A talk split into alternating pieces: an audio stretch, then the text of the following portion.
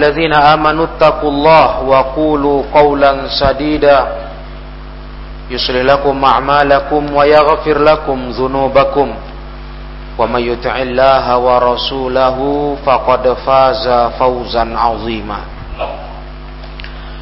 فإن أصدق الحديث كتاب الله وخير الهدى هدى رسول الله صلى الله عليه وسلم وشر الأمور محدثاتها فإن كل محدثة بدعة وكل بدعة ضلالة وكل ضلالة في النار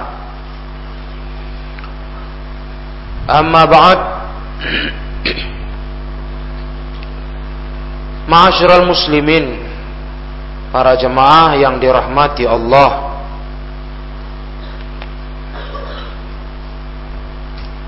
Kita masuk pada fasal fi romyil jimar. Ini kelanjutan kajian kitabul haji.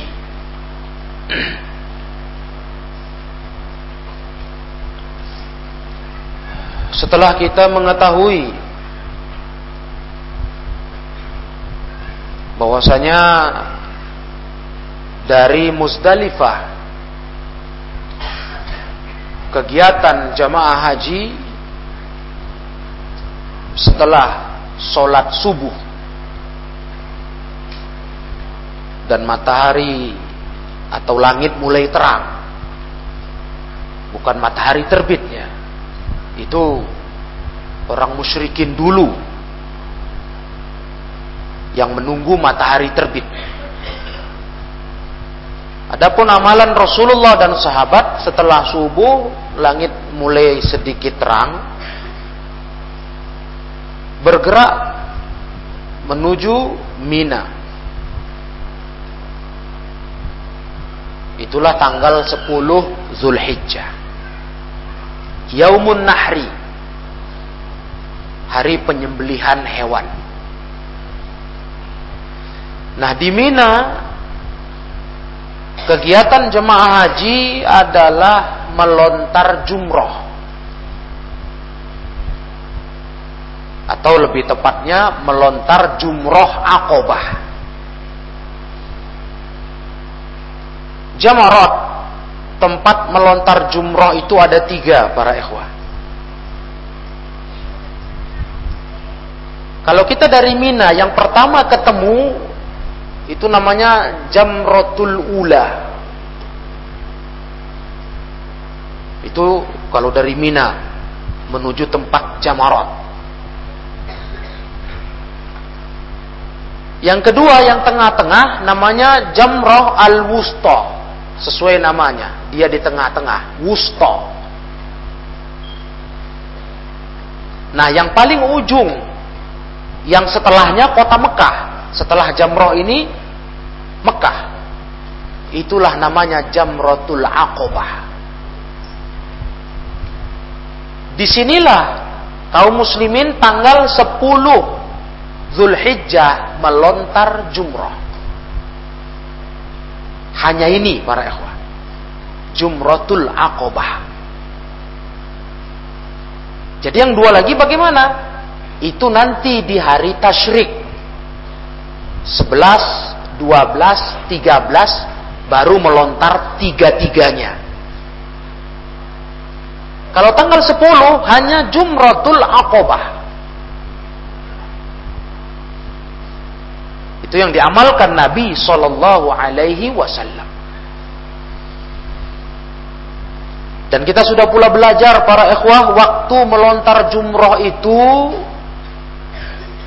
yang utamanya setelah terbit matahari atau lebih tepat waktu duha. Tapi kan boleh yang berangkat malam dari Musdalifah yang punya uzur sudah lewat tengah malam bergerak, boleh melontar malam. Bagi mereka yang punya uzur, sudah bergerak dari Muzdalifah ke Mina. Nah, Lagi pula ma'asyiral ikhwah, saya teringat ada peraturan untuk jemaah Asia Tenggara. Di tanggal 10 Zulhijjah itu dilarang melontar jumrah sampai dengan dari mulai terbit matahari sampai dengan jam 10 pagi itu. Kalau sebelumnya boleh malam bagi tadi jemaah yang berangkat. Itu peraturan pemerintah Saudi Arabia. Kalau saya nggak salah itu terbit tahun 2019. Kenapa begitu? Dikarenakan pada waktu terbit matahari, waktu duha tadi, sampai jam 10, itu puncaknya jamaah yang dari Muzdalifah bergerak ke Mina. Jadi kalau jemaah yang sudah lebih dulu berada di Mina pada jam segitu dari jemaah Asia Tenggara, nanti bisa terjadi penumpukan. Sehingga diatur pemerintah Saudi Arabia Sampai jam 10 dilarang. Nanti jam 10 ke atas boleh. Begitu para ikhwan. Ya, karena tadi masalahnya itu yang ada. Itu pergerakan yang lagi padatnya. Sebab mayoritas jemaah haji ratusan ribu manusia ini ini bergerak menuju Mina setelah sholat subuh tadi. Jadi luar biasa ini perpindahan jamaah ini sangat padat. Maka diaturlah untuk Asia Tenggara termasuk Indonesia jam itu tak boleh melontar jumroh. Itulah pembagiannya. Nah. Dan juga ma'asyiral ikhwah rahimakumullah. Untuk tanggal 11 sudah bebas dan kalau tanggal 11 di hari tasyrik melontar jumrohnya itu yang afdolnya setelah zawal, setelah zuhur. Tapi kalau ada kondisi tertentu, pengaturan-pengaturan, boleh pagi. Cuma itu tadi, hanya tanggal 11 bebas. Melontar jumroh itu sampai sebelum maghrib waktunya. Kecuali yang ada uzur malam. Tapi tanggal 12, perhatikan, tanggal 12 hari tasyrik kedua. Berlaku aturan untuk Asia Tenggara. Dilarang melontar jumroh jam 10 sampai jam 2 siang. Tak boleh. Kenapa? tanggal 12 itu kan nafar awal. Bagi jemaah haji yang lebih dulu dari Mina mau ke Mekah menyelesaikan hajinya, nafar awal, nah itu pergerakannya padat. Padat para ikhwan. Sehingga tanggal 12 diatur pemerintah Saudi Arabia untuk Asia Tenggara. Jam 10 sampai jam 2 jangan keluar menuju Jamarat. Itu lagi padatnya orang nafar awal. Nah, Nanti tanggal 13 baru bebas. Kenapa? Nafar Sani. Itu hari terakhir orang di Mina untuk berangkat ke Mekah. Nah, di situ melontar jumroh sudah bebas. Asia Tenggara bebas kapan mau berangkat melontar jumroh. Aturan ini dimunculkan, masyurul ikhwah, karena memandang kemaslahatan dan untuk menjaga madorot supaya jangan timbul lagi insiden-insiden yang tidak kita inginkan. Jangan timbul insiden lagi.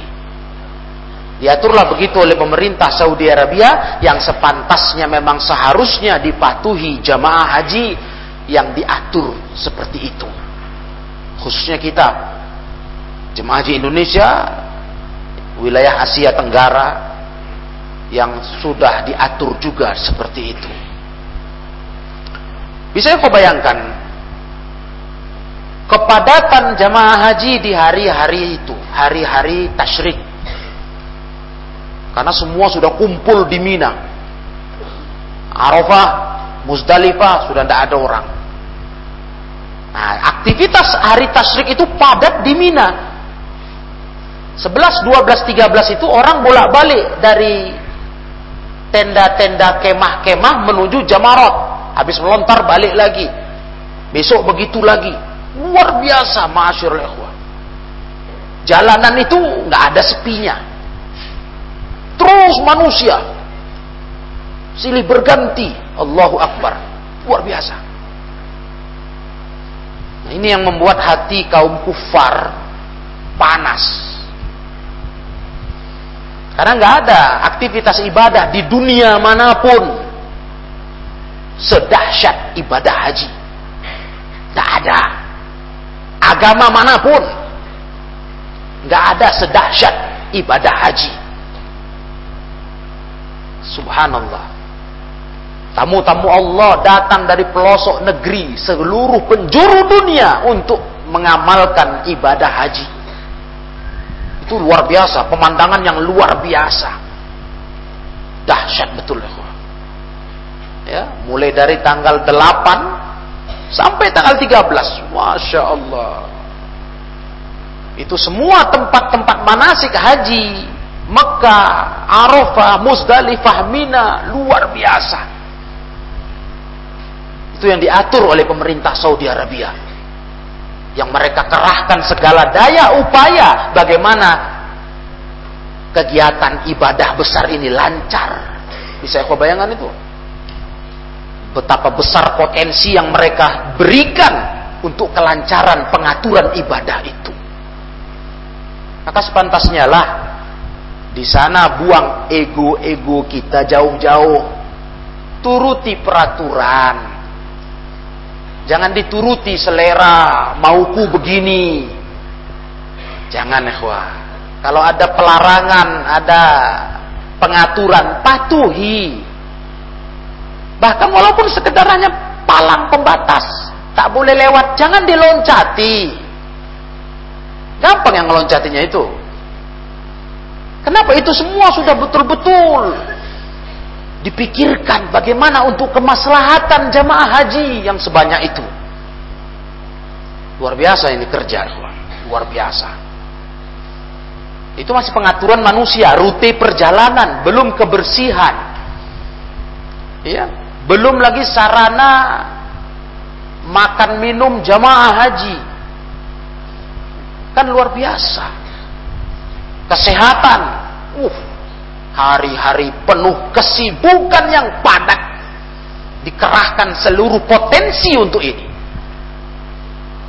Nah, itulah jamroh. Tempat melontar jumroh, jamarat jamaknya. Ada tiga ya. Jumratul ula, al-wusta, dan akobah.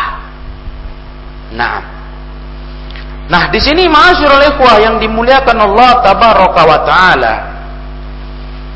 Sebelum kita baca hadisnya, ada yang harus diluruskan tentang masalah melontar jumroh. Satu hal yang sangat akrab di telinga kita, bahkan diyakini di hati-hati kaum muslimin,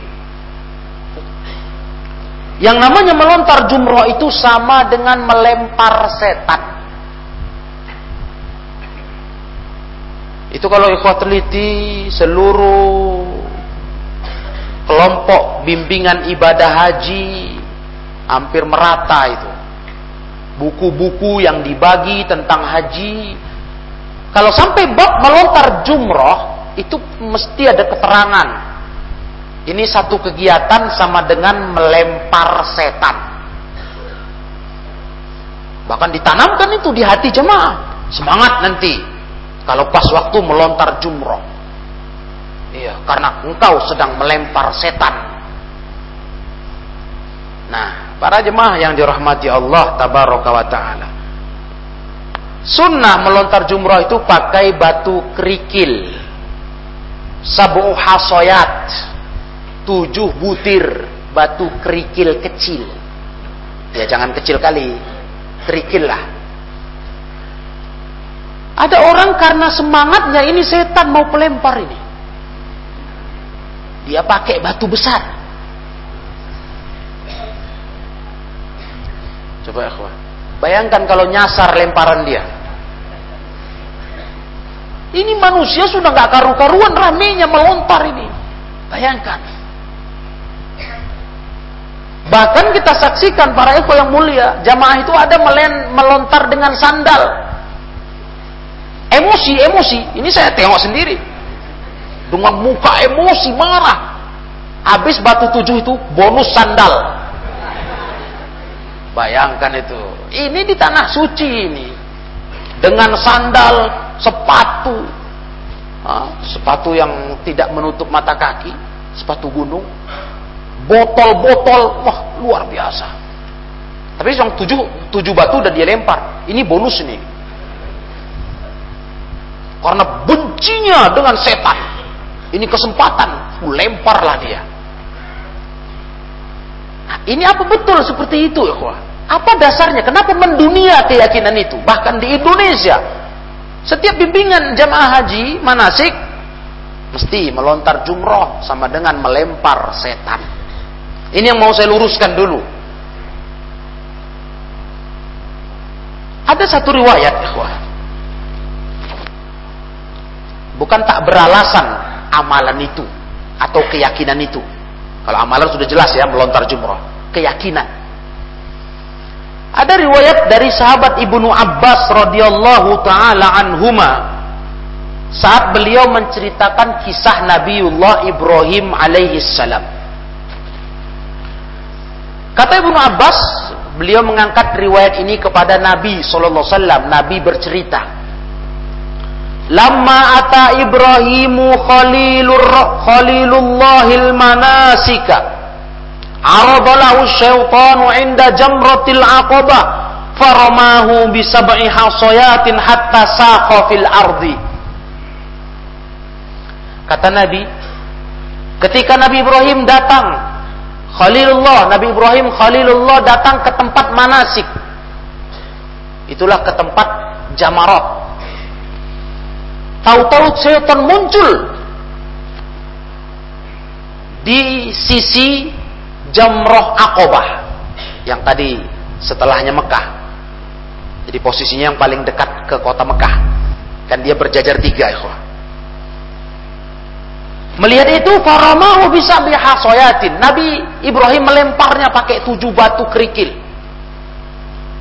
Hatta saqa fil ardi sampai si iblis setan itu masuk ke tanah, menghilang. Thumma aradalahu indal jamrati tsaniyah faramahu bisabi hasayatin hatta saqa fil ardi. Juga begitu, ketika beliau pindah lagi ke jamrah sebelahnya, muncul lagi setan itu. Dan lagi-lagi Nabi Ibrahim melemparnya dengan tujuh batu kerikil dan dia pun hilang lagi di bumi. Ardalahu indal jamrati thalithati faramahu bisabi hasayatin hatta saqa bil ardi. Begitu pula ketika Nabi Ibrahim ke jamrah ketiga. Lagi-lagi syaitan muncul. Beliau lempar lagi dengan tujuh batu kerikil dan lagi dia tenggelam di bumi, menghilang. Qala Ibnu Abbas setelah menceritakan riwayat itu Ibnu Abbas berkata, "Asyaitanu tarjumun." Setan itulah yang kalian lempar, kalian rajam. Lempar batu itu kan merajam melempar batu. Wa wa millatu abikum Ibrahim tattabi'un dan agama bapak moyang kalian Ibrahim lah yang kalian ikuti amalan melontar itu. Perhatikan riwayat ini, ikhwah. Sekarang kita lihat derajatnya. Apakah riwayat ini sahih? Riwayat ini para ikhwah yang mulia dikeluarkan oleh Ibnu Khuzaimah dan Imam Al-Hakim. Ibnu Khuzaimah dan Imam Al-Hakim. Kedua-duanya mensahihkan hadis ini. Bahkan hadis ini disahihkan oleh Syekh Al-Albani di dalam kitab At-Sahih At-Targhib Wat Tarhib. Hadis nomor 1156. Lihat riwayat ini. Ucapan Ibnu Abbas inilah yang jadi pegangan bahwa melontar jumroh itu maknanya melontar setan secara konkret, yakni nyata. Konkret. Nah, artinya saat itu waktu melontar jumroh, memang setan itu ada di situ, di tempat lem pelontaran itu. Itulah yang dipahami oleh mayoritas umat Islam di mana-mana. Bukan hanya di Indonesia. Padahal ma'asyiral ikhwah yang mulia, para ulama menerangkan sebenarnya bukan itu pahamnya. Ketika itu betul. Ketika itu betul. Nabiullah Ibrahim melontar jumroh itu sejarahnya untuk melempar setan. Betul. Saat itu konkret, memang itu dia. Adapun setelahnya istilah melontar setan, melempar setan itu itu adalah dalam makna yang lain, bukan makna yang sesungguhnya, istilahnya abstrak. Maknanya abstrak itu. Ibaratnya begitu. Nah, karena maksudnya melontar jumroh itu dikatakan melontar setan oleh Ibnu Abbas. Maksudnya setan itu merasa tersiksa sakit melihat umat Islam mengamalkan ibadah manasik haji sesuai tuntunan Nabiullah Ibrahim alaihi salatu wassalam yang kemudian diteruskan Nabiullah Muhammad sallallahu alaihi wasallam. Dari mana paham ini? Kok bisa begitu cara memahaminya? Kan fakta nyatanya dilempar Nabi Ibrahim setan itu. Kok kita sekarang nggak dikatakan sama juga melempar setan yang kejadiannya dulu begitu? Kata ulama, kalau kita perhatikan firman-firman Allah tentang hari-hari itu, hari-hari melontar jumroh mulai tanggal 10. Allah Ta'ala berkata seperti surah Al-Baqarah 203. Wadhkurullah fi ayyamim ma'dudat. Secara umum Allah berkata, ingatlah Allah, berzikirlah kepada Allah di hari-hari yang sudah ditentukan bilangannya. Ini ayat menunjukkan amalan melontar jumroh seperti amalan yang lainnya itu bagian dari zikir ingat kepada Allah. Dikuatkan lagi dengan firman Allah Ta'ala di surah Al-Baqarah ini ya, di ayat 203-nya lanjutannya Faman ta'ajjala fi yaumaini fala isma alaihi wa man ta'akhkhara fala isma alaihi Barang siapa yang dia ingin menyegerakan menyelesaikan melontar jumrohnya dalam dua hari. Itulah nafar awal. Maka tidak ada dosa baginya. Yang ingin menyempurnakannya dalam tiga hari tidak ada dosa baginya. Se atau kita katakan nafar sani. Nah, di sini Allah hanya menceritakan dalam Al-Baqarah ini tentang melontar jumroh itu bagian daripada hari-hari mengingat Allah. Sedikit pun nggak disinggung masalah adanya melempar setan tadi. Ini hari-hari mengingat Allah. Maka yang mau ingat Allah dengan melontar jumroh hanya dua hari saja. Hari Tashrik, tanggal 12 dia pulang ke Mekah. Boleh. Mau segera, nafar awal. Atau dia mau nafar sani, tanggal 13 baru bergerak ke Mekah. Fala isma juga nggak dosa, boleh. Bahkan itu lebih afdal. Nah, itu ayat. Di dalam hadis Nabi SAW bersabda, Innama ju'ilat tawafu bil baiti wa bainas sofa wal marwati wa ramyil jimari li iqamati zikrillahi. Itu di hadis. Hanya saja kata Nabi dijadikan tawaf itu di Ka'bah. Adanya syariat tawaf. Tawaf apa ikhwah? Ifadah.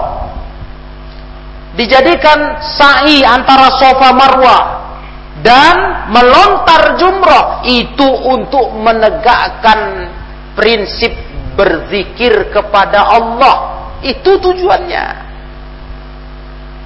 Jadi bukan maksudnya secara konkret nyatanya setan itu dilempari saat itu, bukan. Sama sekali bukan ikhwan. Buktinya kata Syekh Al-Utsaimin dalam fatwa beliau, Waktu melontar jumroh, apa syariat yang dibaca? takbir. Allahu Akbar. Allahu Akbar. Kata Syekh Utsaimin, ketika kita melontar jumroh inda kulli hasatin, tiap butir kerikil itu, tuntunannya kita berkata Allahu Akbar, mengagungkan Allah yang mensyariatkan melontar jumroh ini. Tak ada yang mengucapkan a'udzubillahi minasyaitonir rajim kata Syekh Utsaimin. Itu Syekh Utsaimin di fatwa beliau. Tak ada tuntunan atau yang mengamalkan a'udzubillahi minasyaitonir rajim. Setiap melontar enggak ada. Malah itu menyalahi sunnah. Yang ada takbir Allahu Akbar. Tiap batu Allahu Akbar. Nah, ini ma'asyiral ikhwah yang dirahmati Allah. Ketika Syekh Utsaimin menerangkan hadhihi hiyal hikmah min ramil jamarat. Inilah hikmahnya melontar jumrah, yaitu apa? Untuk berzikir kepada Allah. Jadi istilahnya tadi makna melontar setan itu, melempar setan itu maknanya abstrak saja. Makanya kaum muslimin dituntunkan dalam sunnah melontar jumroh. Jangan waktu melemparnya itu membayangkan setan sedang dia lempar. Ini yang muncul kesalahpahamannya. Nah, tapi yang kita niatkan waktu melontarnya Allahu Akbar, Allahu Akbar tujuh kali, yaitu menjalankan syariat ibadah haji. Memenuhi tuntunan manasik hajinya Nabi Muhammad SAW yang dia yang beliau ambil dari Nabiullah Ibrahim alaihi salam. Itu dia. Karena betapa bahayanya para jemaah yang saya muliakan ikhwani fiddin. Ketika keyakinan itu tidak diluruskan. Histeris ya, banyak sekali histeris di hari itu waktu melontar jumrah. Betul, histeris, histeris mereka sampai keluar kadang kalimat-kalimat kutukan kepada syaitan yang menunjukkan memang di hatinya keyakinan penuh ini setan sedang kulempari. Ini keliru. Nah, jadi ulama-ulama ahli sunnah masa kini termasuk dalam kumpulan fatwa majelis ulama kibar ulama Saudi Arabia menjelaskan seperti itu. Mana melempar setan di situ seperti yang kata Ibnu Abbas, mutarjumun itu maknanya bukan secara nyata konkretnya bukan. Tapi itu hanya makna secara istilah. Adapun Nabi Ibrahim dulu memang betul. Beliau lempar setan yang muncul itu nah, setiap jam roh dia muncul dilempar Nabi Ibrahim. Nah, Makanya kemudian menjadi pensyariatan dari pelaksanaan ibadah haji di tahun-tahun berikutnya setelahnya sampai yaumil qiyamah. Nah begitulah ma'asyiral ikhwah rahimakumullah. Pentingnya kita meluruskan makna melontar jumroh. Ya, karena sudah begitu lama sekali. Berbagai tulisan, berbagai ceramah, berbagai pengarahan, yang menyebar di masyarakat. Melontar jumroh itu melempar setan secara nyata. Namun pahamnya tidaklah demikian. Melainkan adalah sebuah istilah yang menunjukkan syaitan itu sangat tersiksa. Sakit kali. Lah kok bisa? Kan mungkin orang bertanya kok bisa? Toh dia nggak di situ Kok bisa dia merasa tersiksa? Iblis merasa sakit lihat orang melontar jumroh. Ini ada dua pertanyaan yang mau dijawab ini. Satu, tadi kok bisa? Hah? Yang kedua, kenapa istilah melontar jumroh ini dikatakan Nabi Ibrahim melempar setan? Kenapa di Jamarot itu bentuk melontarnya di batu jamroh itu? Nah, kita jawab yang pertama. Para ekor yang mulia dikatakan dia ini melontar uh, jumroh ini apa tadi melontar setan. Iya kan? Kenapa seperti itu? Orang bertanya. Untuk apa dibahasakan begitu dalam Islam? Itu ma'asyiral ikhwah, tidak lain hanyalah untuk menunjukkan sakitnya setan kalau kita mengamalkan Islam. Walaupun dia nggak nggak kena lempar. Kenapa? Contoh, ketika kita baca surat Quran ayat yang ada sujud sajadah. Itu di hadis sahih Nabi berkata, Tiap kali kita baca Quran ada lewat ayat-ayat yang ada sujud sajadahnya. Kita sujud, itu setan menangis. Dia nggak kena apa-apanya. Dia menangis, ikhwah. Kenapa? Dia merasa betul sadar diri kesalahan masa lalunya. Dulu dia disuruh sujud kepada Adam alaihi salam tak mau sujud.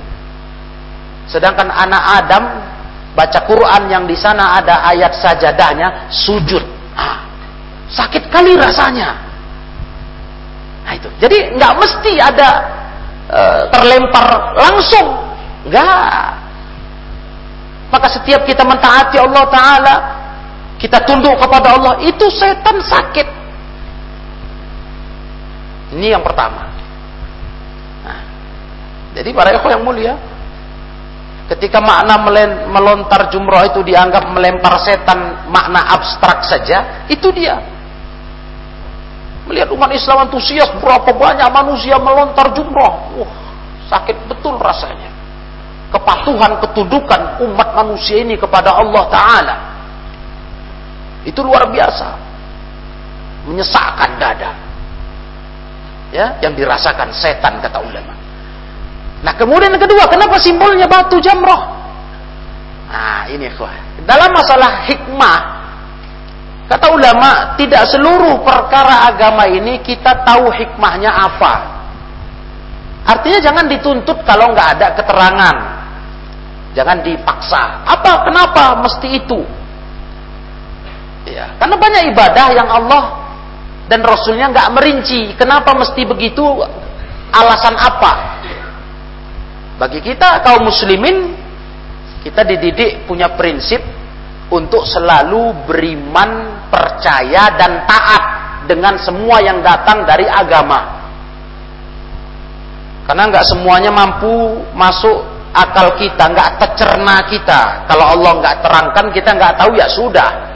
Kita pastikan saja itu memang betul syariatnya, dalilnya betul, kelas. Betul begitu ajarannya, selesai. Kami percaya. Ada apa di balik itu? Kenapa mesti begitu? Kita nggak mau tahu. Pasti tidak ada yang sia-sia dari hukum Allah Subhanahu wa taala. Ya sama yang seperti, seperti pernah saya sampaikan ke ikhwah, kalau kita buang angin, batal wudu. Lah kenapa cuci tangan? Hah? Kok nggak cebok aja? Kok malah cuci tangan kumur-kumur lagi ulang semula? Kenapa? Apa urusannya? Kalau awal bersuci entahlah pula mungkin ada orang berpikir karena tangan kotor, anggota tubuh kotor, muka semua kotor. Nah ini udah siap wudhu, buang angin. Loh kok diulang cuci lagi? Masalahnya apa? Kan nggak mungkin kita bertanya, kenapa mesti begini? Kenapa? Yang penting kalau mau bersuci, kita berhadas, wudhu. Selesai kan? Ada syariat yang memang Allah nggak terangkan rinci hikmahnya. Ya kita kerjakan saja. Nah, nah itu dia dalam Islam. Tidak semua mesti ditakar dengan akal, ikhwah. Tolong ingat itu. Tidak semua mesti ditakar dengan akal, mesti dipahami dengan akal. Yang tak datang keterangannya dari agama kita soal hikmah dalam satu tuntunan syariat. Prinsip kita hanya sami'na wa ta'na. Kami dengar, kami taat. Kami tunduk. Kami tak mau menjadi orang-orang yang mau mendengar tapi tak mau taat, tak mau beriman. Atau malah menolaknya dengan dalih tak masuk di akal sehat. Nah, inilah pendapat cara fikir kelompok sesat Mu'tazilah yang semua mau ditakarnya mesti cocok akalnya, mesti masuk prinsip akalnya. Nauzubillah min dzalik.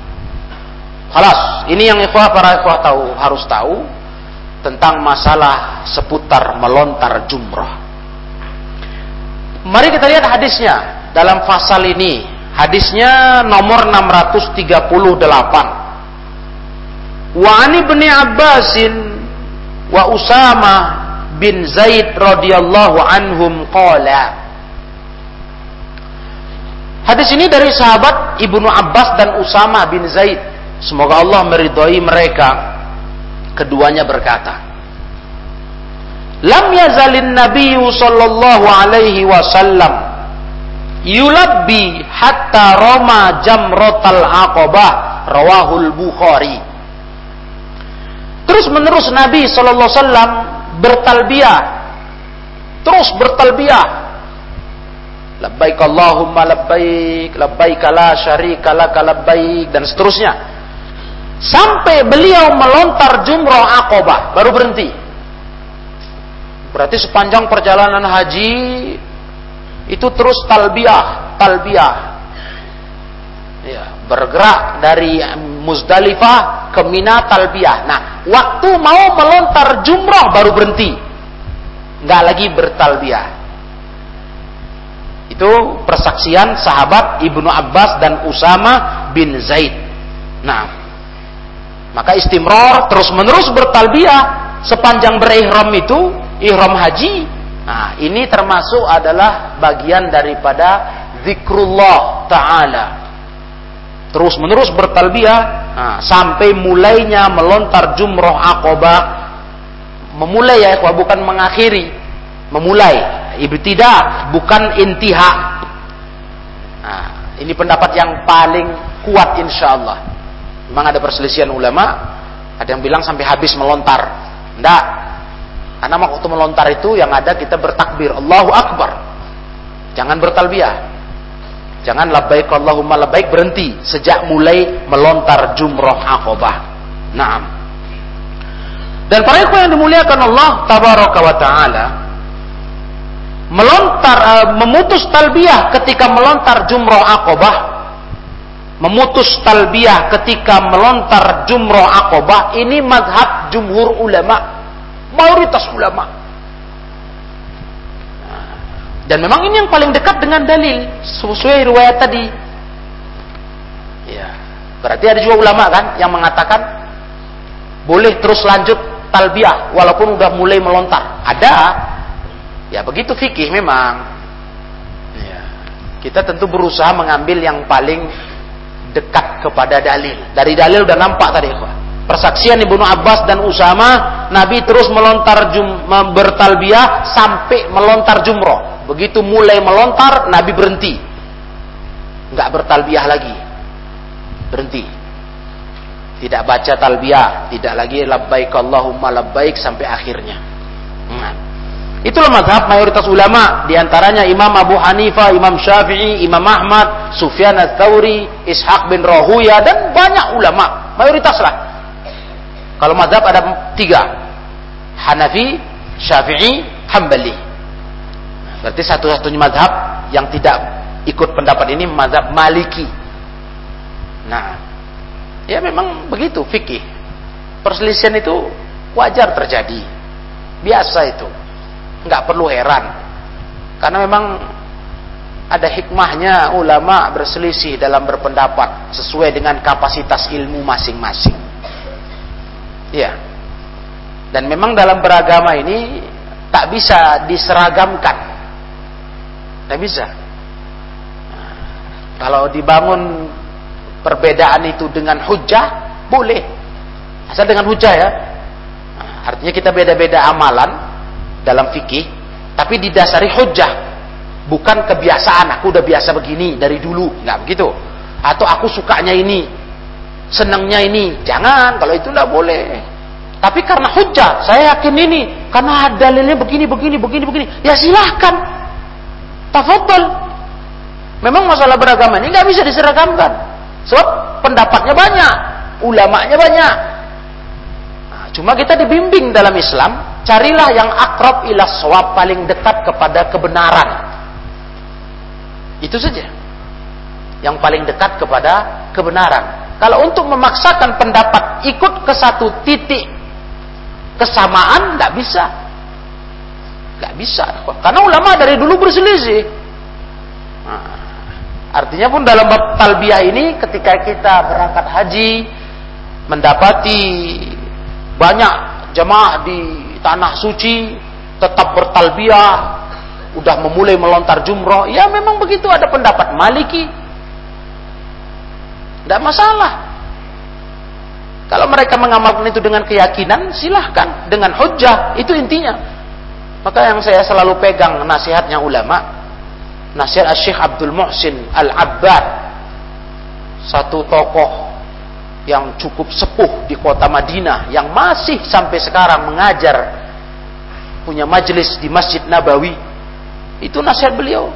Untuk kita menghargai amalan pilihan saudara kita yang beda dengan kita hargai.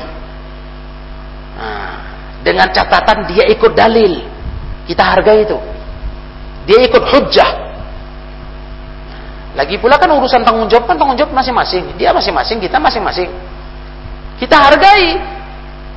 Nah, itulah kelapangan dalam memahami perselisihan fikih. Nah, nggak bisa ada komando satu gerakan serentak mesti begini pilih, nggak bisa, nggak bisa. Nah, silahkan ada yang mau yakin ini dengan hujahnya tafadhol tidak masalah ya. dan para ikhwah tidak pula lantas saya ulangi lagi yang pernah kita kaji tidak pula lantas dikatakan uh, memaksa pendapat atau sok betul sendiri ketika kita menyampaikan hujah yang kita yakin dengan jelas dengan rinci nggak terus dikatakan kita dianggap sok benar sendiri. Enggak, itu yang kita yakin. Dan kita bisa bicara untuk menjelaskan keyakinan itu kita bicara. Mau tulisan kita tulis. Itu bukan bukan kita tidak toleransi dengan perselisihan. Enggak. Ya, namanya yang kita pilih. Jelas kok cara pikirnya begitu.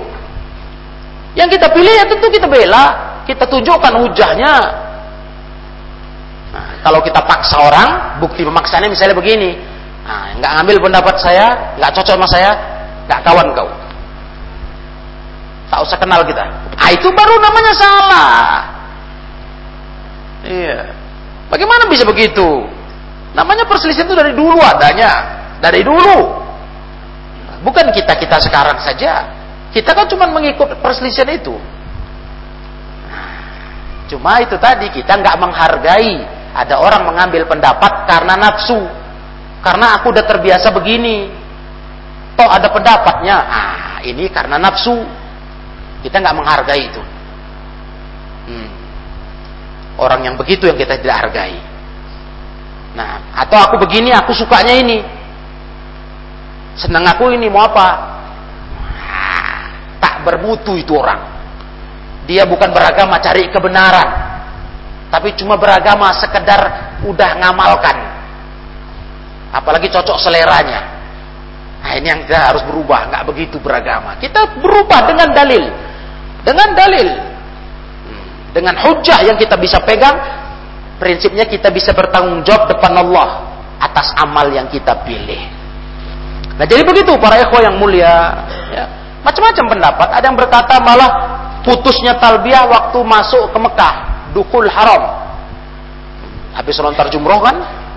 Kalau yang mau segera menuntaskan ibadah hajinya, amalan toab, ya langsung ke Mekah itu. Habis melontar jumroh akobah, tanggal 10, itu bergerak ke Mekah.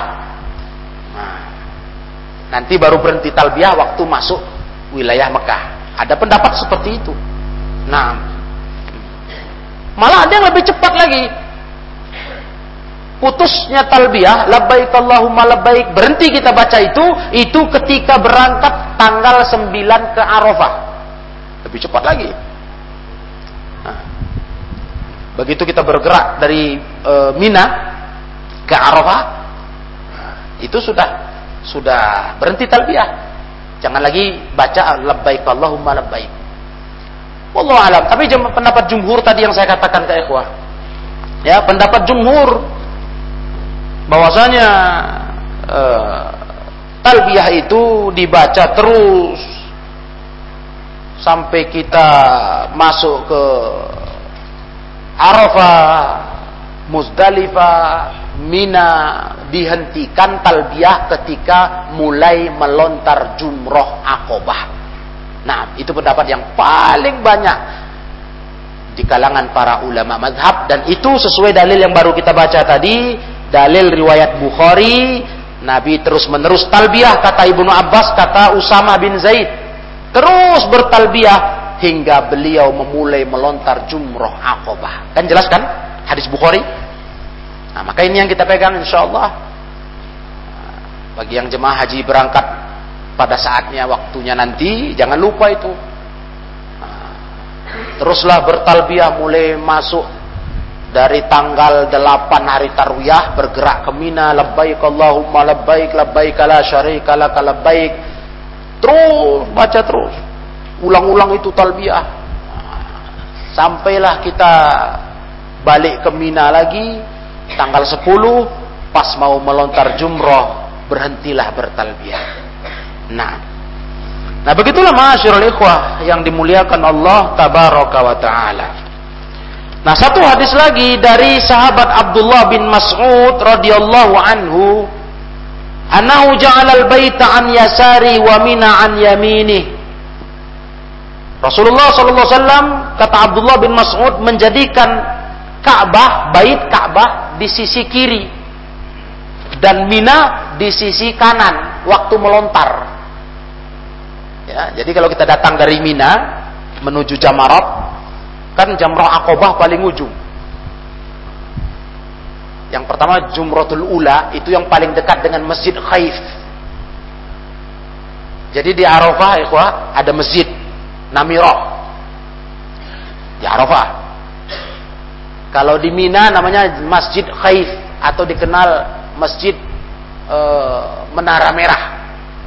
Iya, merah menaranya. Ada juga istilahnya Masjid 30 hari. Kenapa?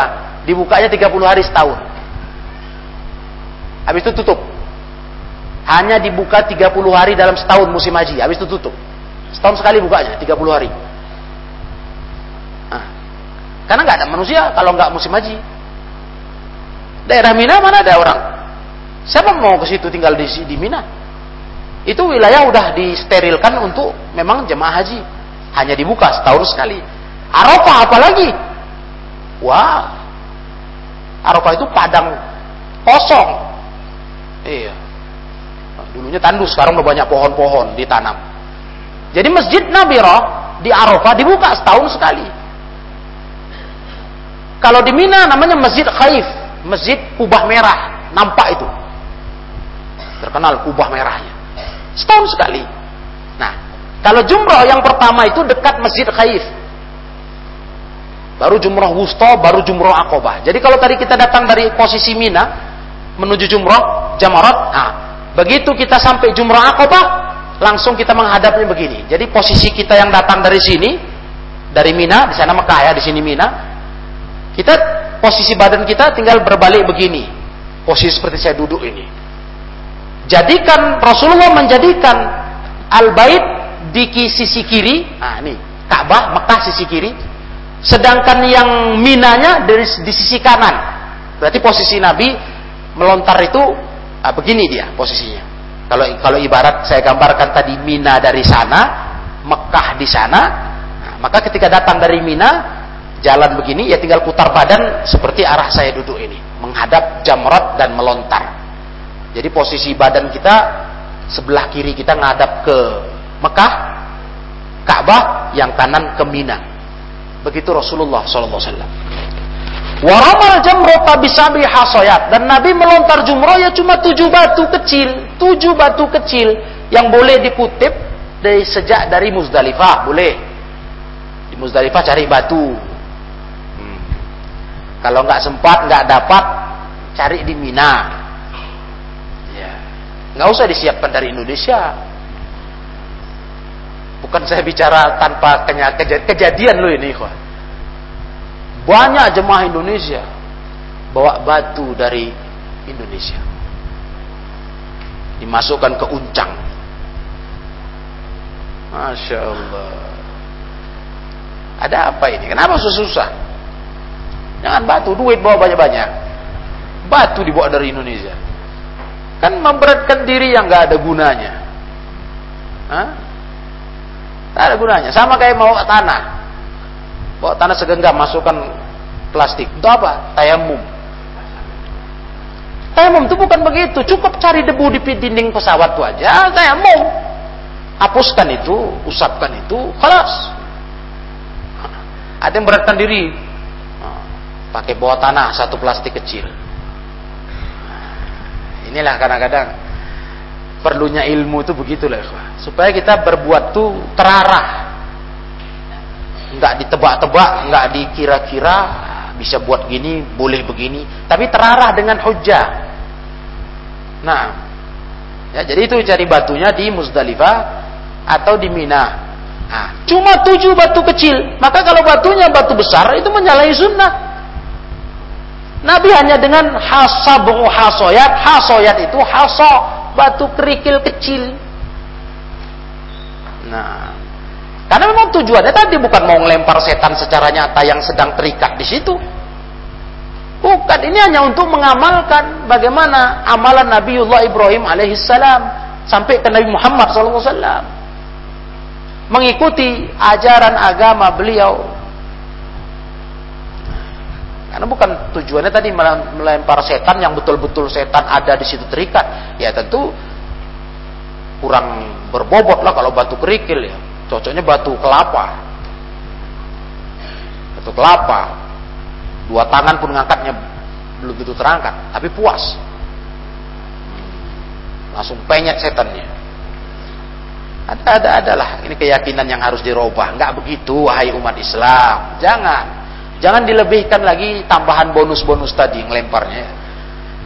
Tujuh batu sudah selesai berangkat ke Mekah. Mau ke Mekah sanggup? Ya, mau nggak sanggup balik ke kemah. Nanti tunda. Habis hari tasyrik tunda nanti. Untuk tawaf ifadah boleh. Kan mudah kali syariat haji ini. Terasa kuat fisik mampu. Habis lontar jumroh jalan terus. Ya. Kalau mau jalan mau kendaraan pun ada tersedia nah, cuman kan karena udah tidak terkoordinir secara rombongan ya tentu bayar masing-masing Nah, ada istilah taksi bebas mengantarkan kita dari Jumroh Jamarat menuju ke Mekah. Nah, mana tahu jalan udah nggak sanggup. Ya karena berat ya Berat dalam arti e, energi fisik kita terkuras. Kalau jalan terus ya, jalan terus dari Arafah, Musdalifah, Musdalifah, Mina, Mina, Mekah. Uh, memang luar biasa itu. Luar biasa. Nah, itu butuh stamina yang sehat lah cukup ya, stamina kita. Kalau masalah minuman tersedia, ya makanan-makanan roti-roti tersedia.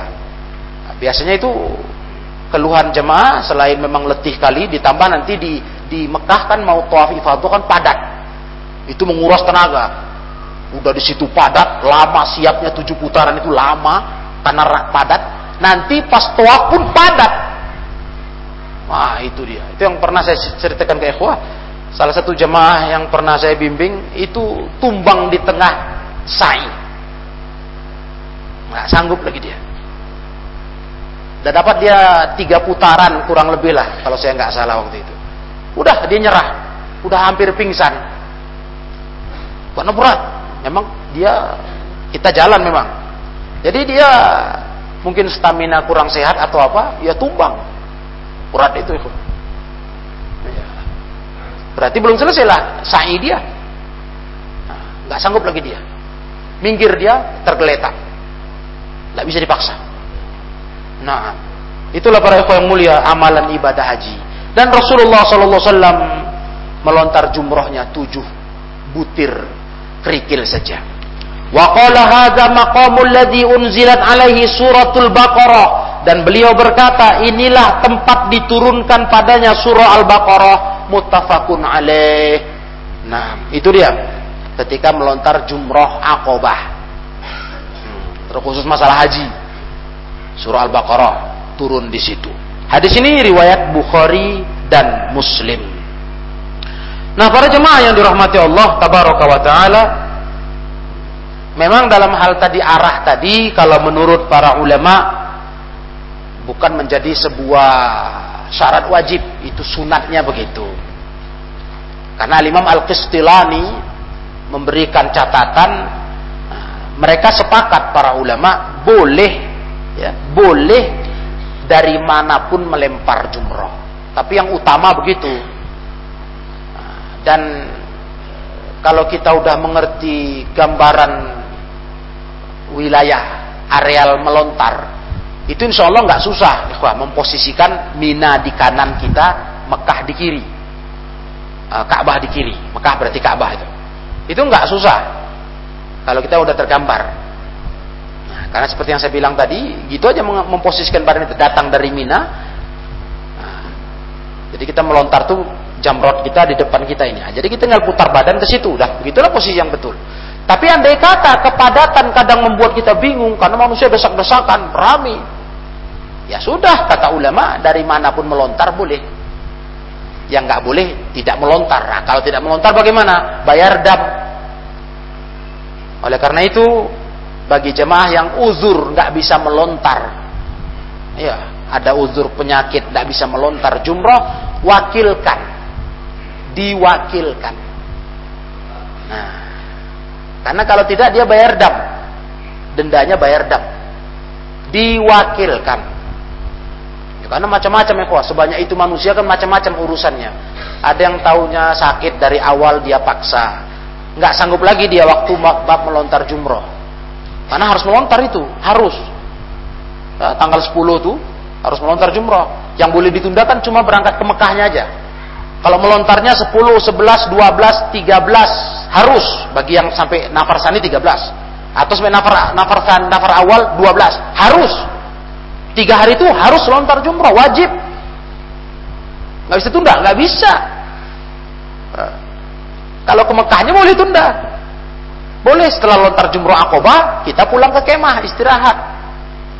Nanti udah habis hari tasyrik pulang ke Mekah baru melontar baru kita uh, uh, toaf ifadah dan sa'i kalau melontar jumrohnya wajib ikhwah. Ingat tanggal 10 melontar jumroh itu dimulainya dari setelah terbit matahari. Itu yang utama. Boleh dari malam bagi jemaah haji yang ada uzur. Nah, tanggal 11, 12, 13 melontar jumroh sejak ba'da zawal, ba'da zuhur. Biasanya jemaah haji itu ya, yang saya praktek, praktekkan dulu sebelum zuhur itu kita bergerak keluar kemah menuju Masjid Khaif sholat di situ. Wah, dan itu luar biasa ya, kok. Manusia luar biasa. Padat yang luar biasa. Jangan harap masuk masjid kita sholat di halaman. Karena itu masjid sepanjang dibuka di musim haji itu penuh jemaah. Bukan hanya untuk orang sholat, untuk orang tidur di situ. Penuh. Jadi nggak dapat lagi di dalam, di luar. Nah, habis sholat baru kita melontar jumroh. Karena waktu melontar jumroh tanggal 11, 12, 13 itu setelah zawal, setelah zuhur. Nah, ter, tergelincir matahari, zawal. Itu harus ikhwah. Jadi kalau nggak ada berhalangan, wakilkan. Wakilkan. Nah, kalau tidak, nanti akan bayar dam. Nah, ya jadi begitulah masyarul ikhwah kaum muslimin yang saya muliakan. Ada dua hadis yang baru kita bisa tambahkan hmm, dalam pelajaran kita di fasal melontar jumrah. Ya. Dengan tambahan ilmu, meluruskan keyakinan untuk apa kita melontar jumrah dan sejarah bagaimana awal dulu disyariatkannya melontar jumrah. Nah, ya. Ya demikianlah para jemaah saya cukupkan sampai di sini pelajaran kita. Semoga ini bermanfaat. Wallahu alam bissawab. Wa akhiru da'wana anil hamdulillahi rabbil alamin